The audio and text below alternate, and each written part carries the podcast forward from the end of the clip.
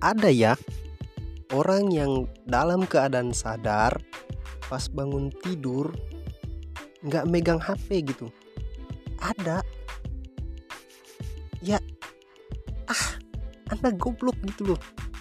Anda itu melanggar kode etik dari Gen Z. Ya minimal scroll TikTok gitu. Ya scroll TikTok itu waktu minimalnya 10, 15, 20, 25, 30 ya 30 menitan lah teman-teman.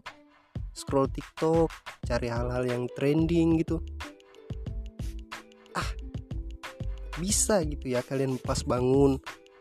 Bangun nggak megang HP langsung beres-beres tempat tidur. Ah melanggar itu melanggar kode etik teman-teman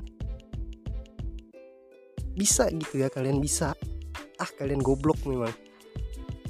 Bangun tidur itu yang duluan dipegang itu HP teman-teman.